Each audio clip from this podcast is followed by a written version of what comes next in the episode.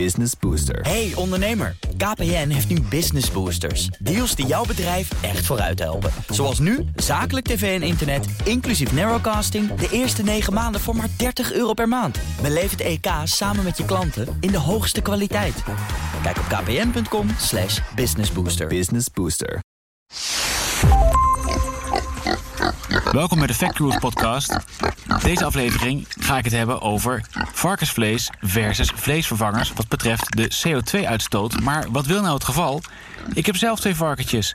Ze heten Pretzel en Truffel en ze staan hier op een weiland. En ze houden ontzettend veel van eten. Ik ken geen enkel dier wat nog meer met eten geobsedeerd is dan deze twee. Maar goed, daar gaat de podcast niet over. Waar gaat hij dan wel over? Nou, over de volgende uitspraak. Dus als je ook naar de CO2-footprint van vlees kijkt ten opzichte van vleesvervangers, dan is het niet zo dat, dat met name varkensvlees niet, een, een grotere CO2-footprint heeft dan vleesvervangers. Integendeel. Ja, dus de CO2-footprint van varkensvlees is niet groter dan die van vleesvervangers. Integendeel. En de CO2-footprint en circulariteit van varkensvlees is veel beter dan de consument denkt. Dit was te lezen in VMT, een vakblad voor de voedingsmiddelenindustrie. En de uitspraak was van John de Jonge, COO Pork bij Vion, een voedingsmiddelenproducent met een zwaartepunt op vlees. En de aanleiding was het Global Farmer Webinar van de Rabobank. Maar dergelijke uitspraken zijn op wel meer plekken te horen geweest, zoals bijvoorbeeld bij aflevering 1 van de BNR-podcast Voeding voor Morgen met Jos Groebels, voorzitter van de Centrale Organisatie voor de Vleessector. Nou, kijk, uh, elk vlees heeft een andere footprint, hè, dat is helder. Maar als je het omslaat op het aantal gram eiwit, dan krijg je opeens een heel ander beeld dan puur op kilogram product versus uh, CO2-waarde, uh, de footprint. Want als je dan kijkt naar de verschillende producten, omdat vlees een heel hoge voedingswaarde heeft met een hoog eiwitgehalte, dan zie je gewoon dat vlees het daardoor heel goed doet. En met, daar, met dan varkens en kip doen het dan heel goed. En dan is er bijvoorbeeld nog deze soort van mythe of uitspraak uh, die op internet ook overal opduikt. One of the researchers gives the example that pork and chicken take far fewer resources to produce on a per calorie basis than common vegetables like celery, cucumbers, and eggplant. He states eating lettuce is over three times worse in greenhouse gas emissions than eating bacon. Sla drie keer erger dan bacon. Nou, wat een fantastisch nieuws. Maar goed, ik moet zeggen dat ik zelf ook thuis dit als argument gebruik. als ik ineens minder vlees moet gaan eten. Dus ik vond het wel interessant om nog een keertje naar te kijken. Maar laten we snel even ontleden wat de uitspraak precies inhoudt. Dus als je ook naar de CO2-footprint van vlees kijkt. Dus er wordt gezegd de CO2-footprint. Dus we kijken alleen naar de uitstoot van CO2, niet naar andere zaken. Ten opzichte van vleesvervangers is het niet zo dat, dat met name varkensvlees niet, een, een grotere CO2-footprint heeft dan vleesvervangers. Integendeel. Uh, van varkensvlees is niet veel groter. Dus de, de geschreven bewering is dat de twee elkaar bij in de buurt zitten. Maar het audiofragment, daarin zegt hij dat het zelfs uh, gelijk is, of misschien zelfs beter wat betreft varkensvlees. Uh, dan die van vleesvervangers.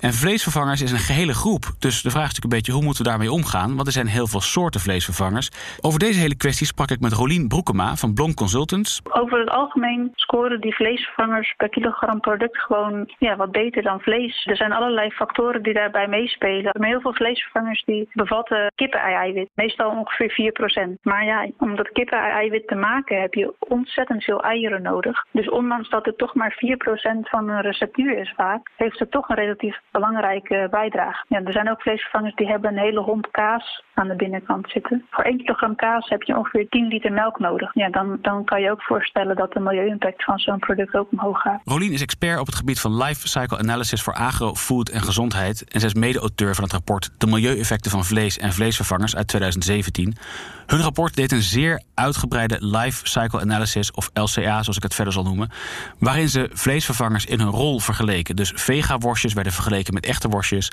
vega gehakt bijvoorbeeld met echt gehakt. En in die LCA namen ze vrijwel alles mee, van grondstof tot aan het bereide product gekookt en wel op je bord. Dus ook de koeling van de supermarkt, ook de energie van je fornuis. En dan zelfs nog nagedacht over welk aandeel gas of elektra uh, je fornuis zou kunnen gebruiken in Nederland. Uh, maar ook de energie die ging zitten in de verpakking. Nou, in, aan heel veel, ik wil niet zeggen aan alles, maar aan heel veel is gedacht. Sommige vleesvervangers zijn dus beter en sommige vleesvervangers zijn slechter. Maar om tot de conclusie te komen gaan we rekenen met de gemiddelde plantaardige vleesvervanger. Want iedereen heeft het over de plant-based diet. Daar moeten we naartoe. Dus de kaasburger of burgers met uh, half vlees, half vleesvervanger laat ik buiten beschouwing. Maar nu moeten we nog even kijken naar per welke eenheid we rekenen. Dus je kan rekenen per kilogram bereid product, per calorie, per eiwit. En ook hierover sprak ik met Rolien Broekema. Binnen die vleesvervangergroep zit gewoon heel veel diversiteit. Niet alleen qua milieu-impact, maar ook qua nutriënten. Want als je vlees natuurlijk met vleesvervangers gaat vergelijken, dan wil je dat eigenlijk doen, nou, niet alleen op kilogram, niet alleen op eiwit, maar gewoon eigenlijk het volledige nutritionele content. Ja, dat, dat maakt het best wel lastig. Van elk product, niet alleen vlees en vleesvervangers, maar elk product heeft een, een balans tussen geleverde nutriënten voor ten, opzichte van de milieu-impact die zo'n product heeft. En als je naar die balans kijkt, tussen ja, heel veel vleesproducten, daar is die balans niet zo best. Ze leggen dus uit dat het sorteren op eiwit, om het zo maar even te noemen, een onvolledig beeld geeft. Zoals bij die uitspraak van lettuce is worse than bacon. Uh, want dat is een beetje als dat je zegt: gekeken per calorie is het drinken van water slechter dan het eten van varkensvlees wat betreft de CO2-uitstoot. Ze legde me uit dat ze computersoftware hebben ontwikkeld om voedingsgroepen met elkaar te vergelijken. Wat betreft voedingswaarde, maar ook wat betreft milieu-impact. Dus ze heeft uitgelegd dat je dan twee borden maakt: één met een plantaardige samenstelling en eentje met een samenstelling zoals we dat zeg maar, traditioneel eten, met aardappelvlees, groente, om het zo maar even te noemen, die, die drie productgroepen. En als je dan die borden gaat balanceren en je zorgt dat je van alles binnenkrijgt volgens de richtlijnen, dus voldoende, uh, wat over het algemeen krijgen zeker Nederlanders veel te veel proteïne binnen. Maar goed, je gaat dan borden samenstellen binnen de richtlijnen. Dan doet het bord met vlees erop het qua milieubelasting altijd nog slechter dan de plantaardige borden. En bij beide borden krijgen de, de eters, zullen we maar even zeggen, de juiste hoeveelheden nutriënten binnen. Uh, dus we gaan in dit geval kijken per kilogram eindgewicht. Maar ik kom nog wel even terug op die eiwitsortering uh, wat verderop. Ik vroeg me dus af, waarom scoort varkensvlees qua CO2-uitstoot dan zoveel beter dan rund? Want ondanks dat ik zelf twee varkentjes heb, weet ik dat eigenlijk helemaal niet. Vroeg het aan Ika van der Pas, directeur Milieu Centraal. Dat is een voorlichtingsorganisatie op het gebied van, op het gebied van milieuzaken. Als je kijkt naar, naar, naar vlees en überhaupt hè, de hele uh, levenscyclus van een dier, uh, dan is bij rood vlees, bij, bij, bij rundvlees, heb je ook nog wel die hele methaanuitstoot. Uh, die bij de koeien nog meer is dan bij de varkens. Maar beide behoren tot de categorie rood vlees en zijn beide behoorlijk impactvol als het gaat om CO2-emissies.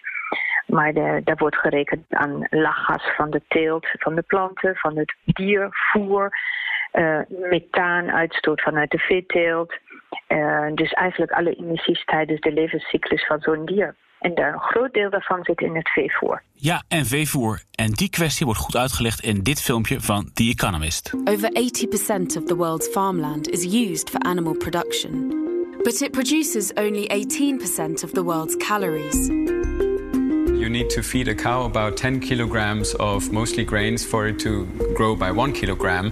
For pigs, that's about uh, 6 kilogram. And for chicken, 3 to 4 kilogram. Daarnaast is het ook zo dat varkens, als ze zwanger zijn, meerdere kleintjes per keer krijgen. En een koe één kalf en misschien eens een keer een tweeling. Maar dus ook in dat stuk van de lifecycle analysis scoort een varken beter dan een koe.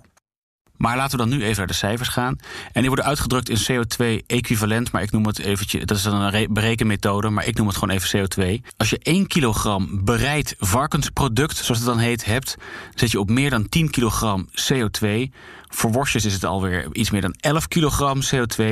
Dus als je dan kijkt naar een gemiddelde vleesvervanger, dus een veggie burger-achtig iets, dan zit je ergens tussen de 2,4 kilogram CO2 en 3,5 kilogram CO2.